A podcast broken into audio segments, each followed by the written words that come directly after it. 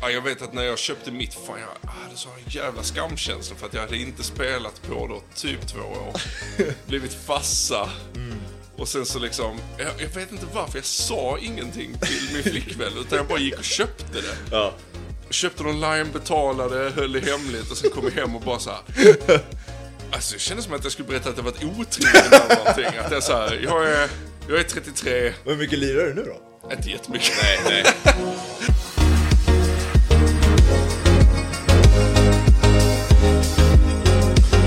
Du eh, var ju...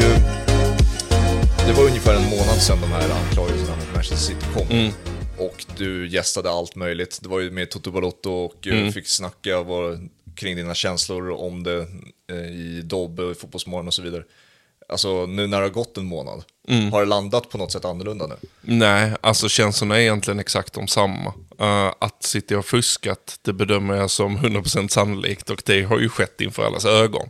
Alltså då har vi vetat om den ekonomiska dopingen. Det är liksom inget nytt.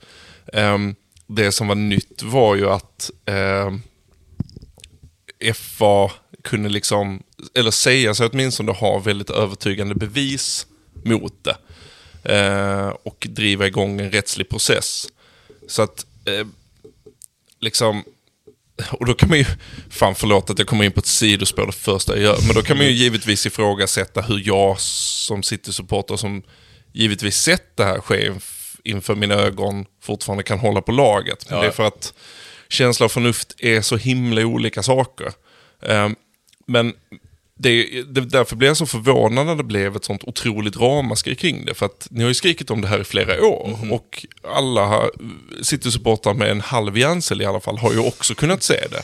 Jo men det är så, sen så kan man ju tycka vad man vill om det. Man kan eh, peka finger på andra för att fotbollsvärlden idag är en inte helt okorrupt plats.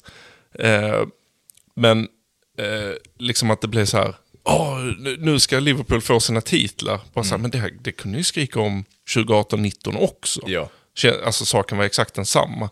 Men, men jag står kvar i exakt samma läge egentligen. Ett, tror jag inte att det kommer bli så allvarligt, alltså utfallet, som, som jag vill. Eh, för jag vill ju liksom, eh, jag vill aska ner den bästa jorden. Jag vill låta det brinna ner så det kan bygga upp igen. Eh, det finns någonting jävligt romantiskt med att eh, liksom kastas ut, kastas ner, eh, ha hela jävla världen emot sig och resa sig ur det. Eh, City idag är, alltså, när jag började hålla på City för, åh gud vad gammal jag är nu, eh, men det är alltså när jag är typ 9, 10, 10 skulle jag säga, det är, ja precis, slutet på 90-talet, eh, när jag började förälska mig i dem. Då är det ju fortfarande så här en, Alltså det är ju en, det är ju en riktig klubb. Eh, en klubb som har eh, vunnit engelska högsta divisionen, spelat i Europa. Absolut inte att mäta sig med de absoluta storheterna i England, men helt klart jämförbart med klubbar av åtminstone så Aston Villa, eller kanske inte riktigt, men Everton, liksom den storleken. Det finns en fanbas, det finns en extrem lokal förankring, det finns ett supporterskap som följer dem var de än är. Ehm, så att det, det fanns liksom en, en jävligt stabil grund att stå på även när de var ruskigt jävla dåliga. Eh, skulle de åka ner nu så skulle de stå ännu mer väl rustade för att eh, Abu Dhabi-konsortiet har ju gått in med så sanslösa pengar, inte bara på spelarna utan hela jävla infrastrukturen, akademi. Eh, den know-howen försvinner inte även om spelarna skulle göra det och de skulle åka ner i League 2. Eh, så det skulle finnas någonting jävligt kittlande i att börja om, eh, ta straffet för fusket och på något sätt, jag tror jag uttryckte det i stil med att det skulle bli de fuskande åren snarare än den fuskande klubben. För det är ju där man står nu. Ja. Ehm, och i takt med att jag blir äldre, eh, eh, mer cynisk, eh, så, så har jag, jag har svårare att ha... Jag, jag vet inte, det, det är svårt nu, jag, jag är 34 år. Eh, och jag kan inte förälska mig i musik på samma sätt som jag kunde när jag var 20. Det är deppigt. Det är deppigt, det är det. Alltså det är ju bara att erkänna att liksom en, en, en bit livsgnista har bara brunnit ut. Det är så, jag kan liksom inte bli det här eh, tokförälskade eh, på samma sätt som jag kunde bli förut. Eh, och det gör det så här, jag, jag, kan fortfarande inte hålla mig från att slå på City-match på tv. Jag kan fortfarande inte hålla mig från att hålla på dem. Jag vill att de ska vinna varje match. Mm. Eh, men tiden däremellan är jag inte lika uppslukad av det som jag var när jag var 20. Nej. Och jag tror också att det har med att göra allting runt omkring. Eh, och egentligen hur det har liksom ökat på i fotbollsvärlden i PSG, i Newcastle, i ett eventuellt uppköp av Manchester United av Qatar. Mm. Eh, att det, det liksom hugger på mig som att man ska dra ner ett marmorblock bit för bit för bit. Eh, grunden är fortfarande där och därför skulle jag, det, det, jag tror skulle kunna få mig att bli nyförälskad är just att låta klubbjäveln bara brinna och bygga upp igen och att jag står där mm. lika stadigt som jag gjorde när Stuart Pearce var tränare egentligen. Ja, exakt. Förlåt för ett jättelångt, invecklat, dumt sidospårsvar. det, är skit, det är skitbra, det är så här podcast ska vara liksom man hittar sina sidospår, man hittar sina samtalsämnen. Men det finns mycket, liksom, det, det, är en så jävla komplex fråga. För du är inne på support, eh, alltså hur, för, och det är också, alla tänker ju inte likadant när det kommer till city support Nej, nej, nej, och det vill jag vara jättetydlig med att jag säger inte att man måste tycka som mig. Eh, för att vara liksom eh, en äkta City-supporter. Det är bara jag kommer, alltså, City är en klubb med en sån otroligt tydlig skiljelinje. Ja. Um, eh, kanske Alltså, jag var kanske lite för ung för att förstå liksom Abramovic intåg i Chelsea och mm. allting med det. Så att jag, jag kan inte riktigt svara för om Chelsea-fans som hållit på dem ännu längre upplever samma skiljelinje. Men liksom den där augustidagen 2008 är ju liksom en så tydlig för och efter tideräkning. Um, så jag som var med så mycket före är ju liksom grundad i vad klubben var då och har varit med till allt klubben är nu. Så att jag har ganska så splittrade känslor. I grund är det ju liksom en, en passion och kärlek. Och ärligt talat en identitet. Jag vet inte vem jag skulle vara utan mitt Manchester City-supporterskap. Det Nej. låter så ödesmättat men, men liksom jag, jag bara blev sådär tokförälskad som man bara kan bli när man är liten i den här klubben. Och har varit det nu i, ja vad är det, minst två tredjedelar av mitt liv. Mm. Eh, det går ju liksom inte bara att sudda ut för att de har en fake-sponsor från Singapore. Det, det, det går ju nej, inte. Nej, nej. Men det går ju att tycka saker och, och förstå kanske var jag kommer ifrån. Sen, så kommer det ju, sen finns det ju andra vars första cityminne är att Agüero smäller in 3-2 mot QPR. Mm. Och jag förstår att de har en annan syn på klubben än vad jag har. Men, och jag förstår att de tycker att jag eventuellt är en idiot som vill att de ska åka ner i League 2.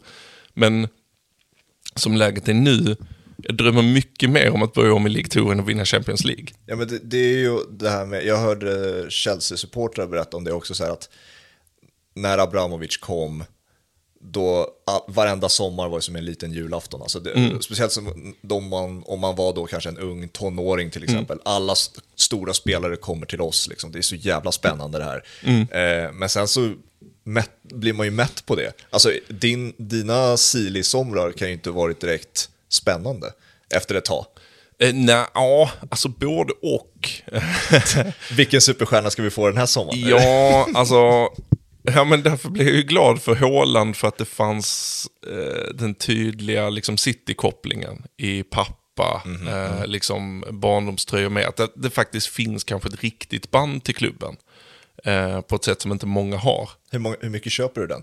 Till 100% eller var det mer att projektet passade? Nej, men alltså, eh, ska, ska vi säga att 90% av anledningen till att han kom till City var ju givetvis att projektet passade honom. Mm. Alltså, let's not kid ourselves. Nej. Men eh, jag tror på allvar att han kan ha känslor för klubben. Mm. Jag tror absolut inte att det fel avgörande. Alltså Erling Haaland är liksom en, en uh, record breaking machine. Han har liksom ett eh, uppdrag och det är att korsa alla målrekord som finns i alla ligor. Han yeah. kommer ju aldrig stanna i City-karriären ut. Alltså han, är, han är ju Zlatan. Alltså, titta på honom prata och titta på intervjun med Zlatan. Han, samma minspel, allting. Han har ju liksom specialstuderat honom. Yeah. Och tittar du på Zlatans karriär så är inte han någon one man eh, eller one club man. Liksom. Och det kommer inte Holland vara heller. Däremot um, så så kunde jag känna att ja, men här, här finns ju ändå en historia. Mm. Alltså han har ändå en relation till klubben som, jag vet inte vem man ska ta, välj själv typ liksom. eh, av värvningar som gjorts, eh, liksom, framförallt sen Peps intåg, hur många som egentligen har, har den typen av relation med klubben. Sen så kan man ju, liksom, eh, sen kan de ju bli City-supportrar under tiden så att säga, eller bli en del av klubblegenden. Liksom David Silva, Vincent Kompani, Kevin De Bruyne, du kan nämna hur många som helst. Men han kände kittlande på förhand ännu mer än dem för att han hade just liksom, men han hade ju tröjan när han var liten. Mm. Uh, ja. Om det är de som, har, de som har levt under en sten och inte har riktigt koll på, det kanske är dumt att äh, dra igång en genomgång av det några minuter in i avsnittet, men vi, jag tänker vi gör det ändå för de som mm. inte riktigt har koll på vad som har hänt. Vad är det för typ av ekonomiska regelbrott som anklagas ha äh, skett i City?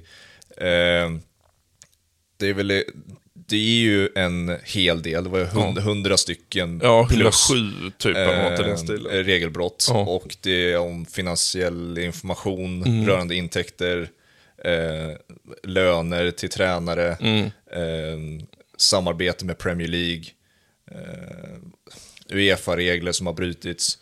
Eh, ja men exakt. Alltså, så, en, en av de centrala grunderna är att de har pengar som de inte riktigt kan redovisa för, inte har velat redovisa det ordentligt. Mm. Eh, och liksom, det är bara att titta, jag tror att City har väl tre eller fyra fall de senaste 12-18 månaderna på sponsorer som, när du tittar närmare på det, är en, liksom en, en brevlåda i Kuala Lumpur. Mm. Eh, alltså mer eller mindre, så det, är, det är givetvis fake för att pengarna kommer från Abu Dhabi. Mm. Eh, så att det, det, är liksom det som är det centrala och då har de flera fall av. Eh, I fallet Mancini med tränarutbetalningar så var det att han fick separat lönecheck från Abu Dhabi som mm. inte City då behövde redovisa. Eller behövde, det behövde de men de gjorde inte det. de gjorde det inte, nej. nej exakt. Det påstod, hans lön ska ha dubblerats typ. Eh, mm. Efter att de, de checkarna ska ha kommit liksom. Och sen ja. var det också så här att de har brutit eh, regler i samband med kontakter med unga spelare också, mm. läste jag. Mm. Alltså, när man går igenom alla de här, vilken är det som alltså, påverkar dig mest så att säga? För att det, de, de är väldigt utspridda, det, ja. det, är inte, det, är inte, en och samma, det är väldigt många, mycket det täcker om alla de här 107. Liksom. Ja, men det är ju nästan så att mängden gör att det är svårt att liksom pinpointa på en grej. Jag kan ja. nog inte säga att en av dem påverkar mig mer än den andra. Um, utan det är väl det sammantagna att det är alldeles uppenbart, som, som jag började med att säga, det har varit uppenbart ganska länge att de har hållit på med ekonomisk doping. Eh, kanske värst av alla, i alla fall i en engelsk kontext. Mm. Sen så kan du ju hitta liksom att andra klubbar håller på med shady grejer också. Alltså sådana här eh, skuggsponsorer, mm. eller vad vi ska kalla det. Det ja. har andra gjort. Eh, kontakter med underåriga spelare, det håller andra på med också. Men City har liksom allting på något sätt. Ja. Eh, och det är väl det som gör... Eh, eh, det, det, är konstigt, det kanske borde göra mig så jävla förbannad, men jag blir mest bara trött. alltså att det, det eh, att det ska se ut så här, att jag blir vad fan, alltså ni har ju pengarna ändå. Ja, vad va, va håller ni på för? Ja, exakt. Men det, sen, vi var ju inne på det att fans har ju reagerat lite annorlunda beroende på vem du är och mm. kanske när du började heja på klubben och mm. sånt där. Eh, det var ju i samband med, jag har ju den här faktiskt, eh, deras reaktion i samband med Aston Villa-matchen där. Ja. Eh, när du såg den här, det här måste ju varit typ en halv vecka efter att anklagelserna ja, kom. Ja, något i den stilen. Eh, vad gör det med dig när du ser ett Etihad eh, göra så här, sätta upp en banderoll och supporta eh, Panic, som han heter, den ja, fina advokaten som ja, ska försvara exakt. City. Alltså, en del av mig var en del av mig var imponerad av kreativiteten, det ska jag ärligt säga. ja, det, det, är väl en låt, jag kan ju inte de här jo, men det är... City-bröderna väl? Som, nej, nej det, det, är inte Oasis, detta är um, uh, The Smiths, uh, Morrissey, Aha, också okay, Manchester, okay. Panic okay. on the Streets of London, okay. Panic on the Streets of Birmingham. Uh, jag kommer faktiskt inte ihåg vad låten heter nu, vilket är svagt eftersom jag har lyssnat alldeles för mycket på The Smiths i mitt liv. Men um, så en del av mig var ju så här imponerad av, alltså jag tycker väldigt mycket om uh, när man agerar, uh, vad ska man säga, uh, supportermässigt eller spelarmässigt i en pågående medialt narrativ. Mm. Eh, Wayne Rooneys boxningsfirande. Ja, ja. Eh, jag, jag, Craig Bellamy i golfklubban. Alltså, TVs golfklubb också. Ja, exakt. Du, alltså det där blir väldigt roligt. Det, det hjälper till att bygga en historia. Mm. Sen så är... Um, sen så är det väl bara den sorgliga sanningen på något sätt att stora delar av supporter i England tycker liksom att fuck rättvisa typ. Ja. Alltså det, det, det, spelar ingen roll så länge min klubb vinner. Eh, och det är ju inte unikt för City egentligen. Jag, det, det var, jag, jag tittat på, det kom ju en Amnesty-rapport om Saudiarabien ganska nyligen, som jag tror The Telegraph skrev ganska långt om, där det var Newcastle-supporter som hade svarat på den tweeten med “Cry more Amnesty”. Oh och jag, jag har tittat på den tweeten väldigt mycket, jag tycker att, jag tycker att det är väldigt roligt, alltså samtidigt som det är sorgligt. Det är någonting att här, använda det här supporter-bantret mot en människorättsorganisation som har någon slags eh, eh väldigt mörk humor. Eh, det var lite så här mannen på gatan intervjuer utanför Old Trafford när det var snack om att Qatar skulle köpa in sig United och bara eh, att ja, men vill vi vara eh, med och slåss så är detta ett steg vi måste ta. Mm. Eh, City har varit med och drivit den här utvecklingen mot det här att spelplanen har förändrats. Det är därför FSG är så ovilliga att behålla Liverpool för att det går inte att tävla eh, på det sättet som de flesta amerikanska ägare vill tävla. Ja. Eh, Todd Bowley ett eh, ganska eh, excentriskt undantag som verkar kasta ja, pengar Ars på precis. Arsenal är ju det nu också, med amerikanska ägare. I och för sig mm. har ju det lite kanske mer med spelargruppen och det sportsliga liksom, ja, eh, exakt. projektet att göra, exakt. Men, eh, och inte med ägaren. För Cronky har ju varit väldigt ifrågasatt i Arsenal. Ja, ja men exakt. Och, och, men, men långsiktigt kanske det blir tufft för Arsenal att alltså hitta kontinuerlig framgång ja, i den här världen. Ja. Eh, och det, det, är ju det de ser. Eh, sen så, det är ju jävligt glädjande att du inte bara kan eh, kasta pengar och nå framgång. Det funkar, alltså Premier League, det är för mycket pengar i rullians ändå, så du måste använda dem smart, annars mm. är du fetkörd. Alltså titta på PSG. Alltså det mest misslyckade, komiskt uh, usla uh, superhjälteprojektet. uh, liksom. Ja, vi spelar ju in där strax efter att de åkte ur Champions League, så det är ju... Ja, men det, det, det, är ju, det, är ju den, det är ju rubrikerna just nu. Ja, nej, men det alltså den, den truppen, förlåt, ytterligare ett sidospår, men satan så felbyggd den är. Alltså, eh, tre stycken, när de alla tre spelar på topp, då kan de ju åstadkomma problem. Men truppen är så papyrustunn att de måste förlita sig på liksom 17-åringar och göra grovgörat. Ja. Eh, för att stjärnorna ska lunka runt och det funkar inte. Det påminner ju om Galacticos, eh, ja. ursprungliga Galacticos med, ja, det, det, fast då var det ju inte, eller jo det var ju några stycken ungdomar som mm. fick göra lite jobbet, men några också lite mer underbetalda seniora spelare. Som exakt, exakt. Men alltså hade PSG nöjt sig med att bara ha Mbappé kanske mm. och sen bygga ett slagkraftigt lag runt honom, då hade de vunnit Champions League. Mm. Uh, men... Ja, så jävla bra är ju Mbappé nu. Ja, exakt. Han, kan avgöra vad som helst ja. på, på egen hand. Liksom. Exakt. Men, uh, men för att återgå till det här, uh, jag, återigen att jag känner någon slags trötthet och lite uppgivenhet inför att, ja, vi har kommit hit nu. Ja. Och stora delar av City supporterskara känner så här. Eh, och det finns inte så jävla mycket att göra åt. Mer än att skicka ner dem i League 2 och att de förhoppningsvis då inte bryr sig. Ja, det är ju... Är det lugnt om jag tar med kaffe? Ja, fan. Det är bara att köra på. Uh, ja, men det är ju... Vad, vad han heter nu? Lord David Panic. Precis. Uh, är det, det är väl inte enbart han, va? Nej, men han var väl en av de mer högprofilerade ja. advokaterna. Var han med också under eh, den senaste härvan när City överklagade sitt... Eh, Uefa-domen? Ja, Uefa jag tror inte det, men jag tar inte gift på det. Det var ju, det var ju så, det är så satans många advokater. eh, och eh, de, de, var ju ganska tydliga med Uefa-domen att vi ska köpa en armé av advokater. Mm. Det blev ju också en del av någon slags samtida city-historieskrivning, att det var ett liksom episkt uttalande. Ja. Men alltså, de, de tar ju värvningar av advokater lika seriöst som spelare numera. Vilket också, det är en mm. sorglig utveckling. Ja, det är det ju. det är det. Uh, men det är ju liksom... Det är ju också ett tecken på hur fruktansvärt uh, effektiv propagandan är. Mm. Uh, och vad... Hur, jag, jag förstår liksom intresset från stater av mer eller mindre demokratisk karaktär att investera i fotbollsklubbar. För de köper ju sig en armé av otroligt lojala, hängivna personer. Ja. Som genom att slåss för sin klubb i förlängningen slåss för dem. För att, att få se sitt lag vinna betyder så oerhört mycket. Mm.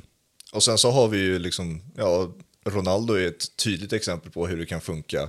Mm. Med, alltså, vad var det, det exemplet finns ju överallt på sociala medier när han, in, dagen innan han signerade för Al Nassr så vad hade de 600 000 eh, mm. följare mm. på sociala medier. Nu har de, jag, inte, jag kan inte ens gissa längre hur många miljoner de har. exakt. Och det är liksom, och nu pratas det redan nu av att vad, vad det för snöbollseffekt det kommer ge, först och främst fotbollsmässigt, för mm. det är mm. så det börjar med, med, med allt det här med eh, sportswashing. Liksom. Mm. Först det, det sportsmässiga och sen, eh, sen, blir det ju liksom VM som det, ska, mm. som det pratas om och sen så har vi då Saudiarabien som land och så som det mm. pratades om i Qatar nu, hur fantastiskt land det var. Mm.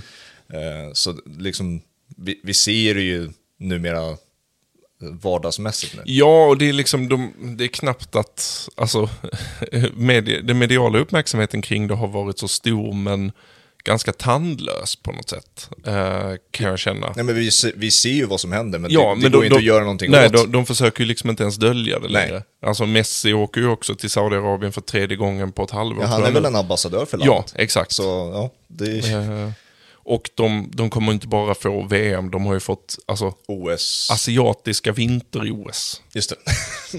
Saudi, ja. ja. Mm.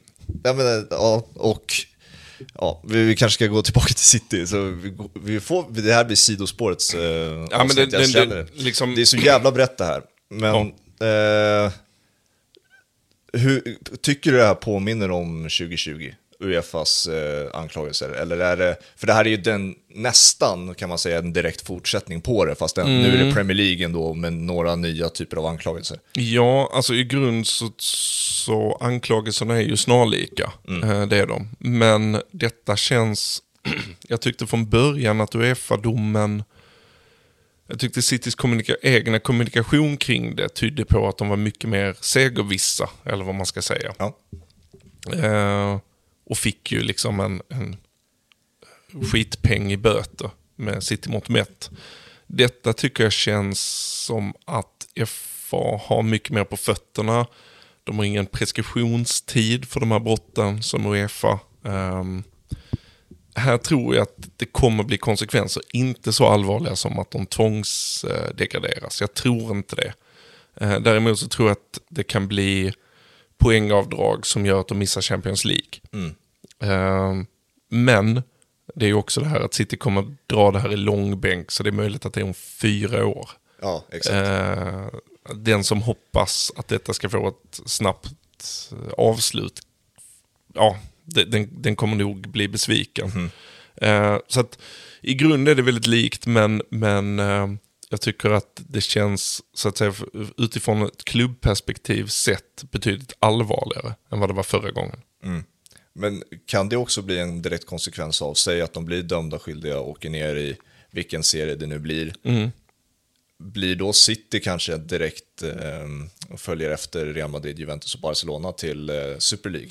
Eh, då, det... då, är de ju bland eliten igen liksom, och mm. slipper, mm. slipper tappa sina spelare och så vidare. Exakt, ja, det är ju inte en otänkbar konsekvens av det här. Uh, den är, det är en helt rimlig tro att så kan vara fallet. Um...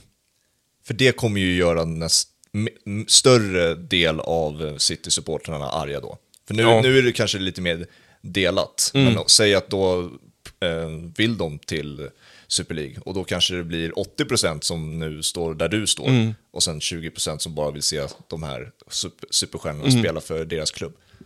Så det, det är väl där, där skillnaden finns kanske. Ja, eh, och samtidigt så känns det som att efter det första Super League-presentationen med den otroliga, eh, vad ska man säga, motreaktion som var. Mm.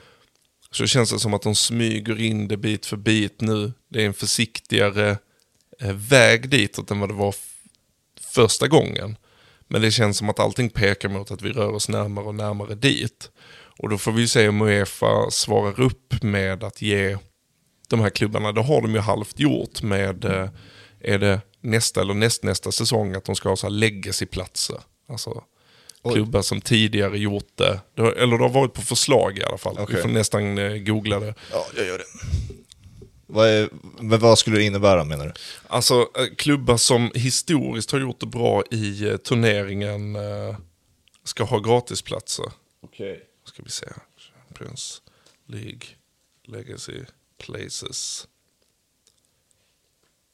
Ja, 29 mars 2022. Nej, Abandon Legacy Spots på CL Qualifications. Här. The Guardian har skrivit om. Reforms include reserving two spots for premiums performances. Plans to ensure mm. a competition remains premium and inclusive. Ja, det är bra i alla fall att de vill att det ska fortsätta ska vara inklusive. Ja, men, ja exakt. ja, men alltså det, det här, sen, sen, får vi se om det klubbas igenom med liten reservation för att det kan ha tagits bort eller att det kanske tas upp vid ett senare tillfälle. Men det här är ganska uppenbart ett försök från Uefas håll att gå superlivklubbarna till mötes. Ja. Um, det nya systemet med, med liksom ett, ett ligaspel och fler matcher är ju också egentligen något som gynnar de redan stora lagen. Ja, exakt. För att de kommer mer garanterat gå vidare, det kommer bli mer stora matcher och så vidare och men, så vidare. Men säg att det här hade varit nu kommande säsong. Med, då hade man ju gett direkt en plats till Juventus. Mm. Men då, som på grund av det man har gjort i ligasystemet, är felaktigt. Mm. Men får fortfarande sin plats i Champions League. Mm. Så det, det, Uefa och eh, det, det man bråkar om i liga, eh, ligaspelen, det kommer ju fortsätta då med, med sådana här typer av beslut. Ja. Det kommer ju bara bli värre. Ja. Och då återigen så blir ju Superligan mer attraktiv eh, liga då kanske för för de här storklubbarna. Ja, men vi, vi befinner oss i, alltså jag kommer ihåg för något år sedan, det var nog i samband med Super League-presentationen att det pratades om legacy-fans och fans of the future. Mm. Att mhm. det finns liksom en skiljelinje där. Och då kommer jag ihåg att vi var många, jag där ibland, som, som skrattade åt det. För att säga, vad fan är det för jävla dumheter? um, men det är nog ganska sant. Uh, och en, liksom, en, en förflyttning av makten, det vill säga pengarna bort från eh, Europa, mm. där det traditionellt har varit, till Mellanöstern, bort till Asien. Ja. Där det kanske finns en, eh, det här är eh, väldigt generell spekulation från min sida, men där det kanske finns ett större sug efter de stora matcherna. Att de skiter lite i när man ska möta Bournemouth borta. Ja. Eh, och hellre vill se Juventus, eh, Arsenal. Mm. Eh, driver ju på den utvecklingen och så länge pengarna finns där mm. så kommer klubbarna titta ditåt och hitta lösningar för att komma åt det. Ja. Eh, så att, jag vet inte, det, det, känns som att fotbollen rör sig ditåt vare sig vi vill eller inte. Eh, och någon gång kommer det komma till liksom en brytpunkt där de eh, står på liksom på bergstoppen och får välja om de ska gå för Fans of the Future med den här en typ superliga-variant, stängd liga, massa stormatcher, mer ett europeiskt liksom. Eller om de ska vara kvar i det traditionella. Och just nu tycker jag att det är många klubbar som rör sig i riktningen eh, vi gör det här till eh, det stora kommersiella, eh, liksom europeiska industrin. Ja. Snarare än lokalt förankrat. Ja, men alltså det är ju bara att titta på andra sporter nu som det pratas ju inte om i när man pratar fotboll, men det, vi kommer ju såklart, vi som älskar fotboll, få se matcherna mer och mer spelas i Saudiarabien, i Qatar ja. och sånt där. Alltså det kolla på alla boxnings, eh, alltså stora boxningsfighter nu. Titta på spanska supercupen. Ja, såklart. Det har mm. kommit till fotbollen nu också, men det är fortfarande inte de mest eh, attraktiva alltid match, matcherna. Men alltså, titelmatcher i boxning, i MMA, alltså de är i Saudiarabien och Qatar och Mm. Ja. sånt där liksom. Formel 1 eh, är det. ja, Eh, och eh, Saudiarabien har ju startat sin egen golftour där de tar de bästa. Alltså VM var i Qatar och VM kommer hamna i Saudiarabien 2030. Jag är så gott som övertygad om detta. Ehm, det är liksom, det är där vi är. Eh, Det är, så, ja, det är bisarrt liksom. Och då, och då köper man ju också alla som säger att de börjar tappa lite kärleken för fotbollen också. Eh, och jag har svårt att placera mig i, i vilket fack jag är i nu mera. Jag har tagit upp det på den tidigare, liksom att när jag ser en superstjärna i vilket lag den nu är, för jag har, har ingen klubbtillhörighet, jag följer fotbollen för fotbollens skull. Liksom. Och när jag ser en världsstjärna sätta en boll i bortre krysset, tidigare så, var, så uppskattade jag det mer, känner jag, eh, spontant än vad jag gör nu. För då, nu tänker man alltid, okej, den här spelaren har placerats där av en anledning och det där målet blir till eftersom att den där gruppen av spelarna finns där av en anledning. Och då blir det så, så jävla negativa tankar hela Ja, tiden. jag vet, men det, det, det är ju det man... jag kan liksom... Jag, när Sean Dyche kom tillbaka som tränare... jo, men jag har en poäng här faktiskt. eh, när Sean Dyche kom tillbaka som tränare eh, eh, i Everton efter att ha varit bort... Jag vet inte hur länge sedan det var han fick kicken för Burnley. Jag vet inte hur länge han var Förra borta. säsongen, i slutet av förra säsongen, när Ja, Burnley så- var på väg ner. Exakt. Mm. Sen, och så åkte de såklart ur då, när, de, när de sparkade honom. Exakt, ja, men det, det var liksom inte en så lång frånvaro. Men när han kom tillbaka så upplevde jag någon slags kollektiv glädje över att han var tillbaka. Eh, och det var liksom 442 Masterpiece och... Men, ja, exakt. Den är och, underbar alltså. för Och, jag, eh, och jag, jag tänker väldigt mycket på att Sean Dyche är liksom en sista kvarleva i Premier League av en jävligt mycket enklare tid. När vi kunde garva åt dumma britter och inte behöva tänka på ägarstrukturer och sponsorpengar. ehm, och sånt där. Alltså, utan egentligen bara så här slå på en fotbollsmatch och njuta av det. Eh, det är ju det som är svårt att man... Jag vill bara kunna sätta på en match och tycka att det är kul. Ja. Alltså bara njuta av fotboll. Eh, och jag försöker stänga ute så att säga bruset under tiden. Det är kanske därför jag fortfarande klarar av att hålla på City trots eh, eh, en genomkorrupt liksom ägarstruktur. Men, men det, det slås ju en tiden mellan liksom visslan ljuder och visslan ljuder igen att ja, eh, är det den väg fotbollen är på väg och många andra sporter med den är inte så jävla kul. Nej. Ehm, ja, nej, jag vet inte. Det är så jävla komplicerat, det är så jävla stort, det är så fruktansvärt mycket pengar i rörelse och mäktiga personer i omlopp att det är svårt att tänka på ibland. Ehm, Verkligen. Men alltså, när, om man tar City och sättet de väljer att inte samarbeta på. Jag, jag vet inte om du, har du köpt motiveringen? För det är enkelt förklarat, tycker jag det verkar som att de har valt att inte samarbeta eftersom att de upplever att Premier League i fyra år har fiskat efter information. Och istället för att då begära om specifika dokument eller eh, mail eller vad det nu är, så har de frågat då, kan ni ge oss allt det här från de senaste tre åren? Eh, tack. Och så, nej, ni är ute och fiskar efter någonting. Köper du den motiveringen ändå? Nej, eh, nej. alltså eh, som svensk och eh, en, en med stark tro i offentlighetsprincipen så tycker jag att eh, det ska väl vara givetvis så att finns det ett finansiellt regelverk så ska ju klubbarna samarbeta med det finansiella regelverket. De ska ju fiska efter oegentligheter. Det är ju deras uppdrag.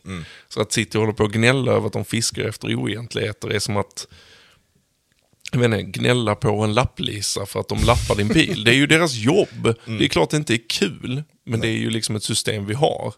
Eh, så det är ju liksom bara dumheter. Ja. Ja, men det där om de är oskyldiga, varför inte bara samarbeta då? Varför inte bara visa det liksom? Nej. Vad, vad har man mer att gömma i sådana där typer av Ja men exakt, exakt. Och det, det spär ju på spekulation också givetvis. Ja, och sen har det alltså, som du var inne på, att det de har redovisat är intäkter på, alltså, från sponsorer som är alltså högre än Real Madrid och Liverpool och Manchester United som är, även fast City har växt som varumärke och sånt där, de, ja, sen klubben köptes upp, Alltså, de är fortfarande inte i närheten om på det men sättet. givetvis inte. Så- det går ju inte så fort. Nej, men så det jag egentligen är intresserad av är hur ser försvaret ut? Alltså från eh, Panics sida liksom. Ja. Vad, vad, vad, vad, kan de stå på? Ja, du, jag önskar att jag var juridiskt kunnig nog till att förstå detta. Det är jag tyvärr inte. Ehm, men i, i fallet ehm, med uh, Uefa-domen så lyckades de ju hitta liksom, juridiska, i brist på bättre ord kanske kryphål. Eh, preskriptionstider, varifrån källuppgifterna kommer, har de eh, liksom tillförskaffats på ett liksom, bevis som håller rent juridiskt. Ehm, Men det såg man ju också väldigt tidigt, alltså redan innan det gick till KAS Mm. väl. Så att då kände man att okej, det här har de ett tydligt försvar i alla fall. Mm. Ja, men det nu det känns det inte som att de har längre. Nej, precis. Internkommunikation, eller kom, kommunikationen från City liksom ut har varit mycket försiktigare Ja. den här gången. Eh, vilket tycker jag tyder på att de vet att de är i trubbel. Ehm, sen så, skickliga advokater kan säkert hitta någonting. Såklart. Eh, de kan eh, hitta att det här kontraktet är skrivet enligt de här klausulerna. Alltså vad fan vet jag. Nej, nej. Eh, jag, är, jag är ledsen att jag inte kan ge ett bättre svar. Men jag tror mycket handlar om att köpa sig tid, dra ut på processen. Sen så något straff kommer att delas ut, det är jag helt övertygad Ja. om. Jag tror inte att FA hade gått in hårt här utan att känna att de har på fötterna. Eh, sen att processen kan ta jävligt lång tid och att det kan bli tandlösare än vad de har tänkt. Så kan det mycket väl vara. Men, ehm, men ehm, någonting kommer ju liksom ske. Är det inte, för mig spontant blev det i alla fall lite förvånande att Premier League faktiskt var så hårda och så tydliga med det när, det väl, när anklagelserna kom ut för en månad sedan. För att det ligger väl ändå i deras intresse att ha City kvar i Premier League. Sen, sen såklart att, eh, att, att de gör det rätta, det är inte det jag säger. Men att, liksom, att de kunde ha varit mildare i det de gör för att behålla, ja. behålla sin storklubb i ligan och med, de, med de intäkterna som kommer med att se Kevin De Bruyne på en, på en helg. Liksom. Ja men exakt. Ja, men jag, jag, jag, vi satt i podden jag har, Kick and Rush också, och pratade om detta. Att vi, vi förstår inte det, för ni släppte in liksom Saudiarabien Ja, och, P, och PFI liksom att äga Newcastle. Fast alla kunde se genom att Ja. Alltså, de hade fått försäkringar om att det inte var Saudis stat som ägde Newcastle. När det är så här, men snälla, snälla någon. men vi, vi, vi jämför med... ehm, det sägs ju att Netflix vet vad du vill titta på innan du vet det själv. Att deras algoritmer funkar så ja. kan liksom läsa av att okej, det här är Fabians, liksom, det här är serien han väljer. Då vet vi att om tre månader så kommer han vara intresserad av det här. Eh, och det, det fattar man ju inte själv. Nej. Och det kan ju vara så att genierna i den här industrin ser att vi har liksom pushat gränsen för långt, snart kommer snöret spricka. Eh, och om vi inte slår hårt mot detta så kommer vi tappa legitimitet. Eh, folk kommer liksom sluta köpa den här produkten för, just som vi pratar om. Just Eh, Tappa kärleken för fotboll. Ja, exakt. Ja. Att det, det blir för genomkorrupt. Ja. Man kan inte komma undan med vad som helst för till slut så, så orkar vi inte konsumera det längre. Ehm, nu tycker de att de har tillräckligt för att faktiskt trycka dit City och visa att ja, men vi är stora och starka. Så att på så sätt kanske de kan behålla, alltså att de har sett den här utvecklingen, känner att om vi inte gör något nu så är det kört om två år. Eh, så att vi fattar det inte i dagens kontext. Eh, detta är ju givetvis eventuellt vild konspirationsteori för mig. Men Det skulle jag inte tro på, på så sätt kan de ju både äta kakan och behålla den. Ja. Att göra Manchester City till offret.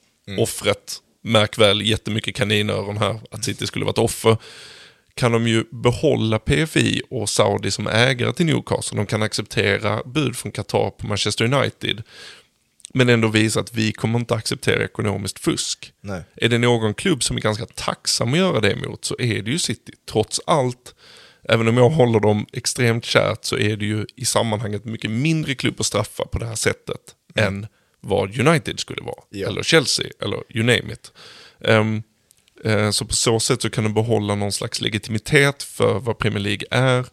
Eh, de finansiella reglerna, men fortfarande ha eh, diktatorstater som ägare. Det kan ju också vara en, en rättsprocess som flera andra storklubbar följer med intresse, inte för att City eh, möjligen försvinner från topp europeisk fotboll, mm. utan snarare för att de har säkert gjort liknande grejer och, eh, ja. eller, så, det kan man anta faktiskt. Fem, tio år eh, längre fram så kommer liknande rättsprocess handla om i Newcastle eller i Chelsea eller i PSG, vad, vad vet jag. Och ja, eller, eller så, så, är det här en läropeng att fuska så, på ett annat jo, sätt. Jo, absolut, men mm. om bestraffningen är så pass tuff mm. nu, då måste nästa bestraffning vara lika tuff då mm. också. Nu, alltså, man sätter ju en precedent nu. Liksom. Mm. Vad, vad kommer det här innebära för de som fuskar så här rejält? Liksom?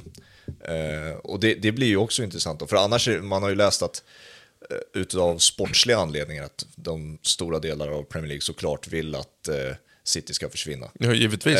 Men vad, vad, innebär det för ligan sett till så här av intressemässigt? Tror du det skulle påverka Premier League något, på något sätt att City skulle hamna i, vad det, antingen i Championship eller i... Typ... Vanarama North. Ja, exakt. Ja, men det, det där är så, om jag förstod det rätt så är det så här, eh, FA kan liksom eh, inte degradera dem till League 2, så att säga.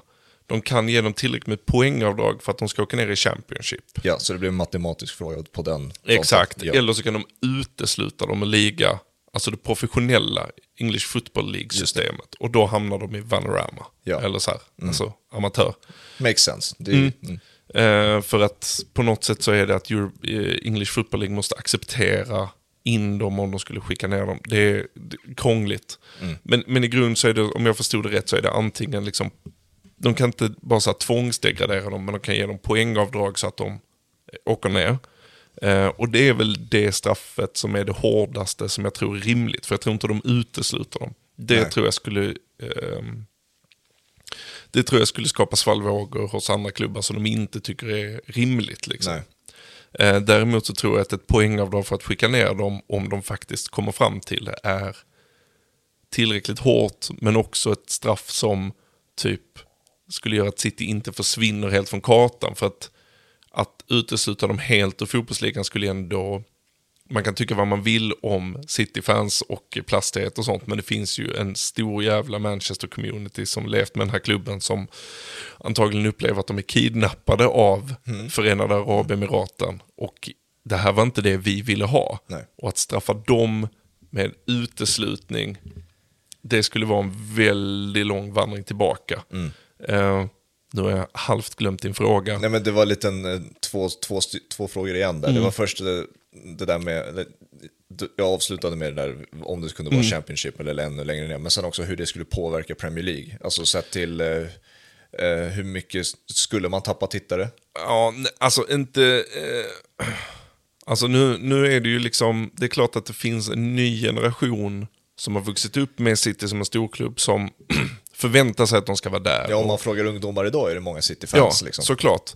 Eh, och det är klart att de skulle bli eh, lite förbannade. Men skickar du ner dem i the Championship så max två säsonger, mm. givetvis. Eh, innan de hittar en väg tillbaka för att klubbens infrastruktur är så överlägsen alla Championship-klubbar. För att det är en garanti att infrastrukturen är kvar. Ja, men den, den försvinner inte. Det kan jag inte tänka mig. Alltså, det är, Nej, det är, alltså, det är hur, hur annorlunda ser ett City ut i Championship i jämförelse med det vi ser idag? Alltså spelarmässigt väldigt annorlunda. Mm. Uh, definitivt. Uh, även på ledarsida och sånt. Men eh, liksom, de äger ju liksom uh, sin träningsanläggning och mm. allting. Och den är ju top notch. Ja. Alltså det finns ju förutsättningar att bygga ett mer än slagkraftigt lag. Ja även vid liksom, degradering. Och sen är det klart, de skulle behöva sälja av liksom 80% av sin trupp. Men jag menar, det ger ju också intäkter. Mm. Um, så att jag tror, jag tror att Premier League, liksom, tittarmässigt, så tror jag till och med att det skulle kunna vara en boost för Premier League att, att, uh, att faktiskt skicka ut City ner till the Championship. Mm. Uh, och de skulle också kunna nå den här typen av gyllene mellanväg, att de skickar ner City en division. De får komma upp igen. Eh, och sen så har de liksom gjort någonting fast de har inte gjort så mycket. Eh, Nej men den storyn skriver sig själv, ett revanschsuget City liksom som kommer och ska slåss mot United på Old Trafford igen. Ja, liksom. exakt. Det, det är ju det är en fantastisk story på det Ja, sättet, även precis. fast den kommer från en aska som du säger, från Ja. korruption. Ja, exakt. Så att jag, jag tror att, jag tror att det, det är det som jag tänker mig att Premier League har sett framför sig. Att vi kan nå en ganska bra mellanväg här. Vi kan visa oss slagkraftiga fast det gör inte så mycket för City egentligen. Skulle de uteslutas ur eh, alltså English Football League, det skulle ju det skulle vara extremt allvarligt. Då, då vet det fan om klubben hur den skulle hålla, hålla ihop. Nej, exakt. Vad tyckte du om deras eh, pressmeddelanden som de skickade på dagen, liksom att ville uttrycka sin förvåning och sånt där? För det provocerar ju också väldigt många såklart. Ja, ja, vad ska de säga? Det, var, det är det, är det en självklarhet att man behöver eh, uttrycka sig på det sättet istället att man bara, ja, vi hanterar, lite, Ja. likt, lite likt som de gör nu, att de hanterar det väldigt tyst och eh, internt. Att de bara skriver det så i sitt pressmeddelande. För att det är ju inte en förvåning. Det, det, de kan ju inte påstå att de är förvånade när de bara Nej, men de, de, det är ju liksom, det är ju, Jag fattar att det är ett mediatrick, men Ja, givetvis. Ja, men det de- funkar ju inte på någon. nej, men samtidigt så skulle det nästan vara ännu värre, tror jag, medialt om de inte sa ett ljud. Eh, för då, det är nästan som att erkänna skuld. Eh, och hållningen för att de vill ju inte ha något straff måste ju vara att vi är oskyldiga tills motsats bevisas. Och därför är vi förvånade över de här anklagelserna. Ja, jag, ger kanske människor för, för stor tillit när, för, att det är ingen Ja. som tror på det. Liksom. Nej, nej men det, är, det, är bara, det handlar bara om att de måste på något sätt eh, liksom, faktiskt erkänna att okej, det här händer. Vi är medvetna om det. Ja. Nu ska vi hantera detta. Nu måste jag också fråga, på tal om eh, reaktioner. Eh, Guardiola, hans reaktion. Jag var ju jättespänd på vad han skulle säga på den presskonferensen efter. Och att han, alltså du, får, du älskar säkert Pep Guardiola, men jag, jag tycker han är jobbig på många sätt. Hur han är så pr tyst provocerande väljer väljer att eh, eh, presentera honom som. Eh, han har sina viskningslekar eh, på presskonferenser och är alltid narcissistisk och ironisk Ja, i de är- sina svar. De är ju psykopater allihop, de här, givetvis. Ja, men det är de Jörgen ju. Klopp är inte bättre, säger jag. Alltså, när, han är, när han är på Nej, dåligt var- humör är han var- hemsk. Var Sir Alex bättre? Jag vet inte. Alltså, de Men- är ju... Alltså, det... Hur fan hittade han den kopplingen? Till Steven Gerrard. ehm, det där, alltså... Han var inte ens i City då. Nej. Det var han inte. Han kom, Nej, tju- han kom det är Pel- 2016. Precis, det är så Pellegrini-året, ja. så Just att det. det är liksom, varför? Det är så sjukt jävla Ja, men det är också ett ganska smart medialt trick att förflytta eh, liksom eh, ämnet från att handla om Citys ekonomiska skuld till en hyllad både Liverpool och Englands hjälte. Hans mest eh, liksom oturliga, eller ja, oturliga, liksom olyckliga stund i fotbollskarriären skulle jag gissa. Eh, för att då blir det helt plötsligt fokus på hans Pep Guardiolas personliga attack på Steven Gerrard snarare än de grundläggande problemen. Så att jag skulle inte vara förvånad om detta är utstuderat från Citys pressteam. Okej. Att så här, få alla att tänka på att du är ett rövhål mot Steven Gerrard istället. För att de ska prata om ditt lönekuvert. Eh, det är en typ av krishantering där man gasar sig ur krisen. Men han, om, om det var så, eh, så lyckades han ju väldigt väl, eller City lyckades väldigt väl. För att det blev ju the storyline. Ja, men det är ju det där också, kan man inte hålla två tankar i huvudet samtidigt? Att jag tycker fortfarande Jo. Mm. som jag tycker det, personligen om City och det, här som är- det de anklagar sig. Men samtidigt också tycker jag att Pep Guardiola är ett rövhål som Ja, men det är väljer, väljer att ta upp det här. Jag, kan, alltså, jag glömmer inte bort det som eh, har skrivits om en halv vecka innan bara Nej. för att ja, jag tyckte, om det är så så, så ja, hemskt eh, i så fall om det var Ja men så. det är, ju- det, alltså- är ju, alltså, det är ju, det är kanske jag som tror för illa om människor. Men jag, jag, jag såg det som ett ganska cyniskt eh, sätt att bara förflytta fokus egentligen. Köpa sig tid. En av de mest effektiva krishanteringar som finns är att låta tid gå. Eh, för den initiella irritationen, ilskan, den lägger sig alltid. Eh, och här var det liksom en presskonferens, han köpte sig tid till nästa presskonferens. Och nästa presskonferens, då bad han om ursäkt för det. Och då köpte han sig tid till nästa presskonferens. Och helt plötsligt just nu så levande som diskussionen var kring Citys ekonomiska fusk när storyn breakade, att mm. de eh, utreds av FA. Jag menar, vi pratar ju knappt om det nu. Nej. Det var lite därför också jag ville ha, spela in det här med dig också, mm. några alltså, veckor senare, liksom, och se hur det... Men du har ju rätt i det, att det har ju lagt sig, det lägger sig väldigt snabbt. Ja. Eh, alla de här grejerna, eh, Barcelona, mm. det som eh, korruption, alltså vi har det ju i bakhuvudet såklart, mm. det, men det har lagt sig enormt Nej, men jag, jag, tror att det, det kommer, det kommer eh, blossa upp liksom när säsongen är över. Liksom oavsett ja. hur det slutar så kommer det vara, men just det, det där skulle, skulle inte de straffas mm. eller någonting? Mm. Och så kan det vara liksom en story som, som lever ett tag där i slutet på säsongen. Men det är ju det här City vill, tiden ska gå, de ska sköta det liksom bakom stängda dörrar, sköta sitt juridiska, låta tiden gå. Och sen så, de vill ju att det ska rinna ut i sanden så mycket som möjligt. De vill inte ha den här diskussionen på tapeten givetvis. Vad, vad, tycker du om Pep Guardiolas retorik i, i, vid många tillfällen har det blivit. Ja. Alltså, uh. Jag ville väl komma, minnas en fa Cup-final när mm. det var en journalist som frågade, har du fått bonusar mm. från en Abu Dhabi mm. alltså offshore account liksom? Och så blev han... han do you know? Do you The know question you're, you're asking me? do you know? eh, vilket jag tyckte det var en väldigt eh, relevant och bra fråga. Mycket relevant och bra eh, fråga. Och jag, han ble, blev ju nästan så att han bad om ursäkt journalisten, vilket vad jag minns det som i alla fall. Mm. För att jag, så här att, okej, okay, då släpper vi det där snabbt, han blev mm. arg liksom.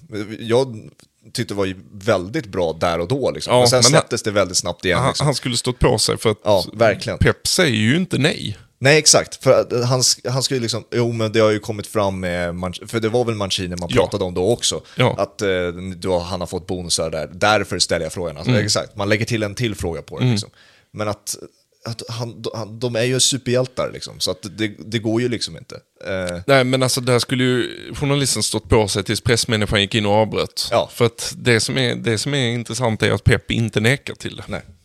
Så att han vill ju undvika att ljuga. Mm. Eh, och går till attack istället. Mm. Eh, jag tycker att det är ganska talande faktiskt. Ja, Nej, men eh, för att det har vi ju där också. Alltså, han bränner ju ibland broar. Nu, nu har det ju här nekats i och för sig av Cancelot. Mm. Men alltså, han är ju inte hundra alla gånger, verkar det som. Nej, men det, det, där, det där tycker jag är olika saker. Eh, för att, att han är liksom väldigt hård mot spelare, har en sanslös kravbild och inte är rädd för att liksom bryta med folk som inte följer hans, vad ska man säga, eh, hans krav eller hans, eh, liksom, hans sätt att vara. Mm. Det tycker jag egentligen tyder på en jävligt effektiv lagbyggare. Okay. Jag tror inte att jag tror det är svårt i elitidrottsvärlden att vara liksom bundis med alla på något sätt. Um, det är svårt att ifrågasätta Pep Guardiola i egenskap av lagbyggare ja, och, och tränare. Nej, men alltså du behöver inte behöva... Nej, nej, men, jag, men, men, du har men, rätt i det du säger, att det är två olika saker. Det är bara att eh, de som, på, nu har ju återigen Cancelo sagt att det inte har någonting med Pep att göra att han gick till Bayern men det är, det är bullshit. Ja, det är bullshit. Men, Givetvis. Men, men, det är intressant nu att eh, Cancelo inte förlirar för Bayern heller. Nej, det är ju uppenbart att det är två som har dansat tango här va. Men det, det jag menar är att Yahya Touré, Samuel Eto'o, Zlatan, mm. alla säger ju att det inte har någonting med deras spelmässiga grunder att göra. Nu blev ju de dissade av Pep, så det är lätt mm. för dem att säga. Men alla tre säger hela tiden att det har med personligheten att göra. Mm. Att han, han har väldigt svårt med personligheter och, ja, och det, allt det där. Liksom. Att det inte har med spelmässiga att göra, utan det har med, snarare med personer. Och då kanske man bygger, snarare bygger upp en, en, en mall av vad personen faktiskt är. Mm. Att det, det, det, ska vara my way or the highway, ja. även när det inte handlar om fotboll. Mm. Ja men så tror jag att han är. Mm. Uh, och det tror jag är liksom grunden till att många uh, spelare har lämnat City eller vantrivs i City. Uh, du kan ju titta nu på att uh, Amerik Laporte vill bort. Uh, mm. Han och Pep har ju inte dragit jämnt många gånger. Det finns någon slags uh, ömsesidig att så här, vi, gör, vi, drar, vi går åt samma mål men vi tycker inte om varandra. Nej, Laporte, Laporte kommer ju försvinna. Ja. jag kan inte se det på något annat sätt. Um, Cancelo blev i Peps ögon omöjlig. Ja. Och då, då, då, då kapar han banden. Han gjorde samma sak med Sterling. Mm. Um, Ja, han gjorde ju det egentligen med Yahya Touré halvt i alla fall. Han fick ju vara kvar som någon sån här pappafigur. Det var väl i Barcelona mest eh, ja. alltså det, det började snarare. Exakt. Och sen när han kom tillbaka så var det ju, ja, hur ska det här funka med Yahya mm. och Men Pep igen? Joe Hart kastades ut också. Ja, den var, den var weird. Det var samma mm. sak som eh, Mourinho med Schweinsteiger. Alltså, mm. alltså, det hade inte ens hänt, de har inte ens spelat en match än Nej. och de kastas redan. Mm. Jag fattar inte hur det, hur Nej, det alltså, går jo, ihop. Joe Hart var ju... Eh, mer Isaksson med fötterna än vad, än vad han var Ederson, så det fanns ju en spelmässig grund också. Ja. Men... 2016 var han ju ändå, visst han hade ett skitdåligt EM där han släpper mm. in två dåliga mål Absolut. mot Island, men alltså de tar ju sig till en eh, Champions League-semi där mm. han är helt brutalt ja. jävla bra. Han jag, var en av världens bästa målvakter då. Jag har var i sina stunder fan helt jävla otrolig. Ja. Jag tyckte väldigt mycket om honom också. Um, men ganska uppenbart att han hade en personlighetstyp som inte funkade för Pep. Och det, men det, det, det tror jag på riktigt att det, det, krävs nog i dagens fotboll att du sätter ihop ett gäng som funkar liksom efter tränarens tankar och idéer. Alltså, jag tror Klopp kan vara hård på samma sätt. Jag tror Ateta är sten. Alltså, tittar du mm. på Arsenals lagbygge nu också så är det ju det är ju en ganska liksom homogen grupp, ungefär samma ålder, ungefär samma ja. plats i karriären och så här. Det är, du måste nog välja och vraka utifrån personlighet också, mm. inte bara eh, spelmässiga egenskaper. För då blir, det ju, då blir det ju PSG av det. Ja, exakt. Så är det. det är det någonting med portugiser? Det måste jag ta nu när du, mm. med, med ett City, City-supporter här. Eh, någonting med portugiser just nu. Mm. Eh, och det här, nu får du ha en field day här med mm. Manchester mm. United-spelare. Alltså, kan ju vara en av de mest hatade spelare av en neutral, eh, mm. eh, av en neutral, ur neutral perspektiv, mm. objektivt perspektiv. För, för mig, alltså, jag tycker det är mest jobbigt att titta på fotboll när han är på plan, Bruno Fernandes. Ja, samtidigt jag kan jag kan uppskatta att det är en kille som det händer saker kring. Det är liksom... Så du, du är den som eh, kanske uppskattar att eh, vi, man har en dåre på plan? Ja, För jag, men... jag hatar barnsligheten, det är det som jag inte klarar Ja, alltså, ja, men eh, nå, någonstans så, till skillnad från Pep då, mm. så gillar jag ju personer som man inte kan känna sig neutral inför. ja, okay. Ja. Alltså, det känns väldigt mycket, alltså, gamla Zlatan-uttalanden om Pep också, att man ska vara robot. Liksom. Ja. Det, det, tror jag inte är helt långt ifrån sanningen. Liksom. Han älskar nej, nej. Nathan Ake för att han är liksom, en robot. Mm -hmm. uh, men jag, jag uppskattar väldigt mycket spelare som... Uh, jag tror Bruno Fernandes hade varit jätte jättefel i dagens City. Oh ja. Men jag kan liksom uppskatta att han är en jävla gris som spelar över, som sparkar ner, eh, som eh, slår till med ett långskott från 40 meter.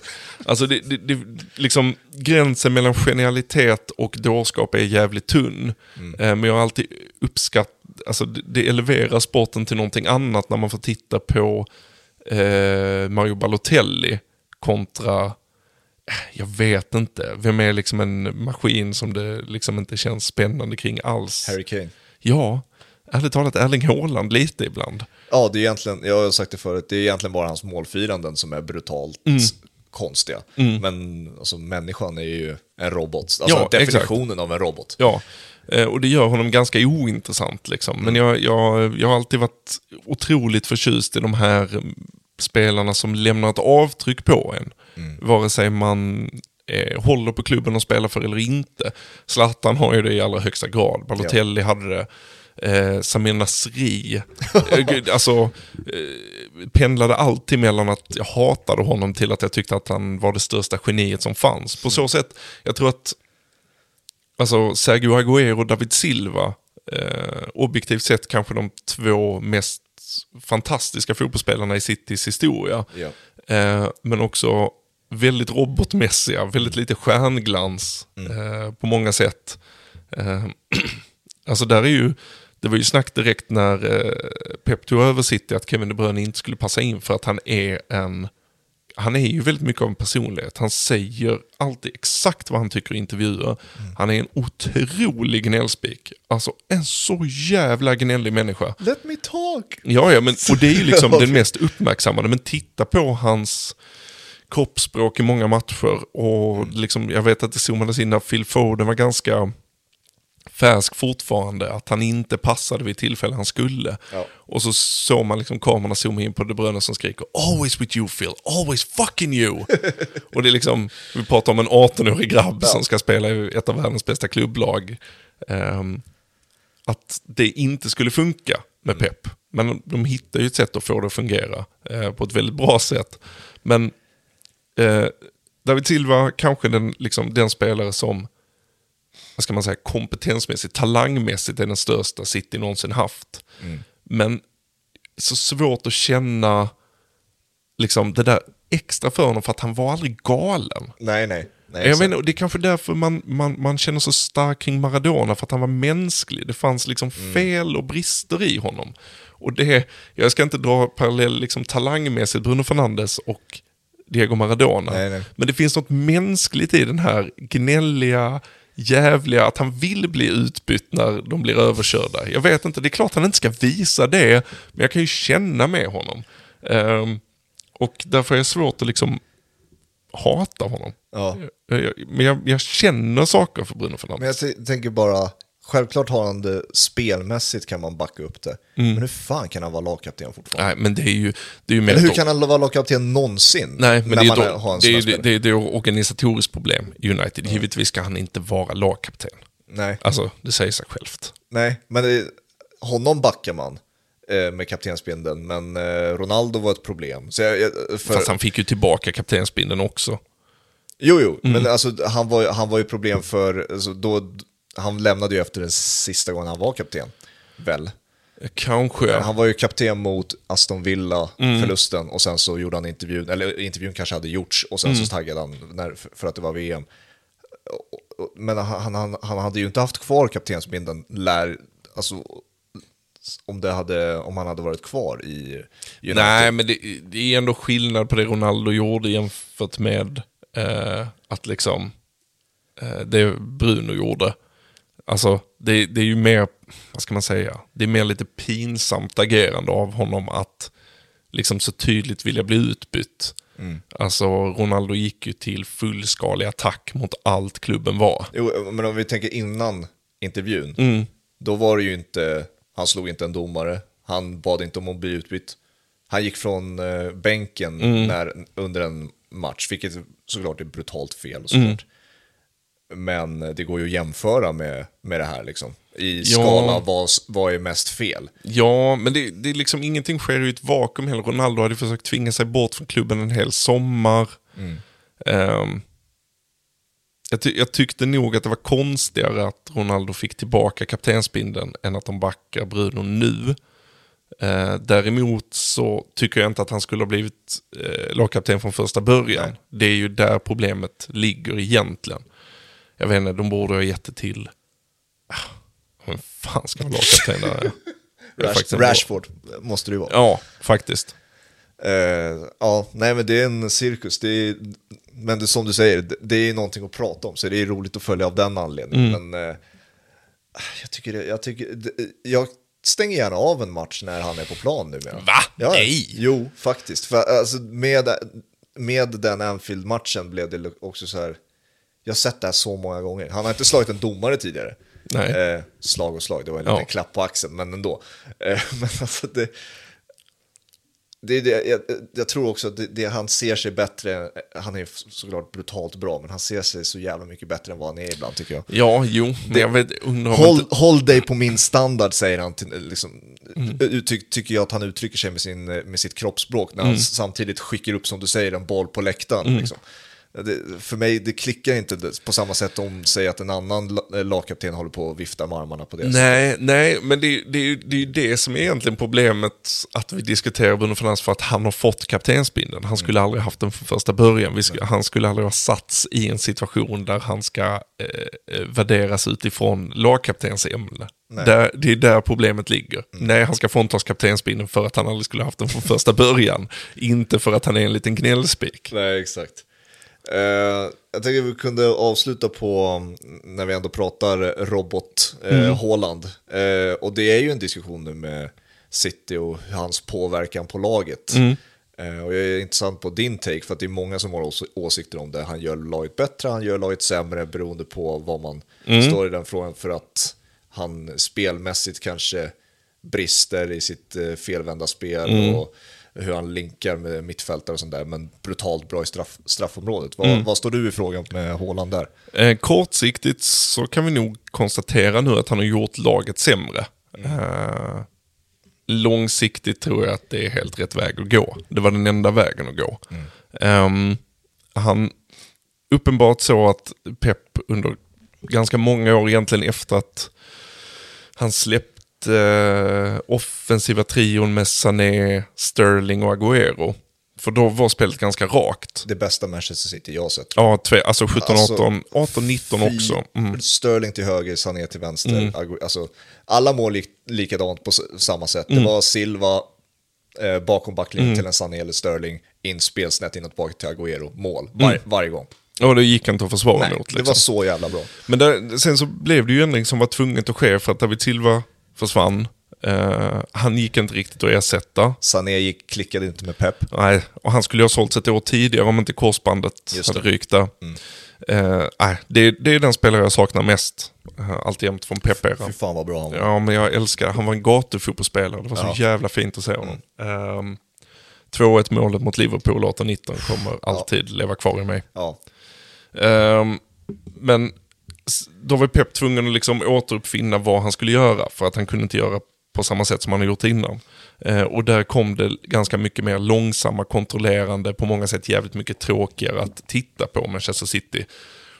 Men på många sätt också ett bättre, eh, mer kontrollerat liksom. För att mm. det, det är ju det Pep eh, eftersträvade. Ja. Eh, och det tog dem till en Champions League-final. Som de slarvade bort med konstig laguttagning. Uh, ja. De peppade till den helt enkelt. Ja, exakt. exakt. Det, det blev bara så jävla fel. Experimenterade uh, med Gündogan som sexa istället för Fernandinho ja, och, sånt där. Ja, ja nej, och, och, Sterling som var helt under isen som skulle starta. Startade och, för Foden, var det mm, Jag tror det. Mar startade va? Skitsamma. Agüero var på bänken också. Ja, ja det var konstigt i alla fall. Det var, allting var konstigt. um, men jag tror väldigt mycket ändrades i takt med eh, den sena förlusten på, mot Real Madrid. Mm. När de slarvar bort en finalplats till. Ja. Eh, och det faktum att det kontrollerade tog dem så långt och i ligaspel så är det det absolut bästa. För så länge du kan kontrollera det som City gjorde de åren så, så förlorar du inte över 38 omgångar. Då, då, fixar du alltid ligatiteln. Men för att excellera i utslagsmatcher i Champions League så behöver du X-faktor. Mm. Och det finns ingen bättre än att kunna få tag på än Erling Haaland. För man försökte ju också med Keynes två somrar innan, mm. Ronaldo sommaren innan det, mm. eller efter det, mm. och sen var det, blev det Haaland. Mm. Exakt. Och Kane hade nog varit liksom det perfekta för det kontrollerande. Ja. Eh, men han skulle också erbjuda mindre X-faktor än vad Haaland gör. Eh, och kortsiktigt så har de ju försökt var tvungna att liksom ändra om hur de gör. Eh, kan man tycka. Sen så har de ju inte gjort det. Eh, jag, tror, jag läste någon artikel idag att bara Håland får bara bollen på sina löpningar 30% av gångerna eller något i den stilen. Ja, det var ju brutalt i två matcher som jag kommer på tänka på. Det var mot United på Old Trafford mm. och Tottenham på Tottenham Stadium. Mm. De brutalt bra löpningarna mm. och ingen slår bollen. Nej. Eh, och jag vet liksom inte exakt vad som händer bakom kulisserna. Alltså givetvis är det så att Haaland måste utveckla sitt spel eh, med ryggen mot mål. Ja. För det måste du göra i ett Pep City. Ja. Eh, samtidigt så måste Citys lag anpassa sig efter att de löpningarna kommer och de, den bollen ska slås. Um, det kändes som att i början på säsongen så lät han De Bruyne vara ganska framskjuten. Lite friare tio-roll eh, och bara hitta in till Haaland. Och så tänkte man, wow, det här kommer ju sluta så jävla bra. Eh, men jag tror att Pep vill ju ha den här gyllene mellanvägen också. Yes. Han vill ha kontrollen med sin extra mittfältare i form av att Haaland hoppar ner. Eh, men han vill också ha X-faktorn i löpningarna. Eh, så kortsiktigt har du gjort dem sämre för att, även om han har gjort nu, jag vet knappt hur många mål det är längre. Nej, 25, 24, ja, något i den stilen. Um, så har de ju verkligen inte fått ut maximalt av honom. Uh, Men jag tror det har varit en inlärningsprocess till dels kanske Champions League-slutspelet i år, men kanske framförallt nästa säsong. Mm. Eh, då ska det liksom fire on all cylinders. Eh, Holland ska ha lärt sig tillräckligt mycket av att spela med ryggen mot mål. Och samtidigt som resten av City-laget ska ha lärt sig plocka upp hans löpningar och våga slå den bollen som de aldrig slog innan. Um, Holland var ju egentligen pusselbiten som saknades för att laget skulle vinna Champions League. Ja. Um, och det tror jag att de har ökat sina chanser att göra med honom. Mm. Och då är det okej okay för dem att saka ett Premier League-år. Ja, nej men det är ju det där, de kanske har vänt på steken nu, för nu City har ju varit så brutalt bra i ligaspel. Mm. Och nu kanske de är, har, de är lite mer oförutsägbara på det Mm. sättet man inte riktigt vet vad man får ut av dem, men det, det är nästan garanti på mål. Ja, I exakt. snitt i alla fall. Ja, och de har någon som de bara kan lasta den där chansbollen till. Det har de ju inte haft innan. Och det har de ju upptäckt att det behöver man ha i utslagsmatchen mot de allra bästa. Du behöver ha någon som gör det oväntade. Ja, det- alltså, när man säger Agüero, hur var, låg hans, liksom, i med att han var ju skadad Mm. enormt mycket också, men vad låg hans snitt på? Vad var hans X-faktor? För att såklart, Han var ju världens bästa avslutare skulle såklart jag säga. Ja, han, Men, han, eh, Mm. var ju, han är ju brutalt bra, går att jämföras med Haaland. Många gör ju den jämförelsen, även fast de är olika spelstilar. Ja. Men målmässigt går det att jämföra. Liksom, så att, Ja, alltså Agüero hade ju ett helt brutalt, alltså han ligger ju liksom, om det är strax under ett mål eh, per match liksom. Ja. Han var ju, när han väl spelade och var tillräckligt hel så, Mm. han var ju egentligen en mycket bättre avslutare än vad Haaland är. ja, Eh, för han kunde ju liksom bara placera in bollen från vilka lägen som helst egentligen. och som fotbollsspelare, alltså med bollen vid fötterna, en bättre fotbollsspelare än Haaland. Mm. Ja, men Holland er- erbjuder ju något helt annat i form av sin bara, alltså fysik. Ja. Som Agüero inte gjorde. Ja, det, det blir att man kan bryta upp ett spelmönster på ett annat sätt med sin fysiska förmåga som inte Agüero kunde göra. Mm. Nej, exakt. Samtidigt, Agüero var ju inte någon superbra passningsspelare. Nej, nej, nej. Eller sådär. Nej. Eh, han, ha- han hade acceleration och låg tyngdpunkt. Eh, men Haaland har en annan typ av högre fart, råstyrka. Ja, det blir ju alltså det farten, huvudspelet och det där att man kan ta sig igenom två tuffa mittbackar. Det är det Haaland hade. Medan Agüero kunde dribbla förbi den sista mannen eh, på sin bästa dag med sin explosivitet och sin låga tyngdpunkt. Och samtidigt hitta vilken yta som, det kan Jaha. bå- båda göra, vilken yta som helst i straffområdet. Och sen som du säger, Agüero kunde nog placera den i krysset lite enklare än vad Haaland kunde göra. Ja, det tror jag med. Haaland mer blundar och, och bara, bara smäller dunkar. den. Ja. Ja. exakt. Så att det, det är väl det jag, frågan är också så här, hur, hur stor skillnad är det? För att det är två X-faktorer som är, de påminner inte Mm. varandra med spelmässigt, men de har haft kanske de två bästa niorna de senaste två decennierna kanske. Ja, Eh, ett decennium. alltså. alltså, Ja, i, se- ja, i Premier League kanske. Ja, men alltså så här, Harry Kane, eh, Luis Suarez, Robert Lewandowski. Eh, det går ju inte bort sig från deras.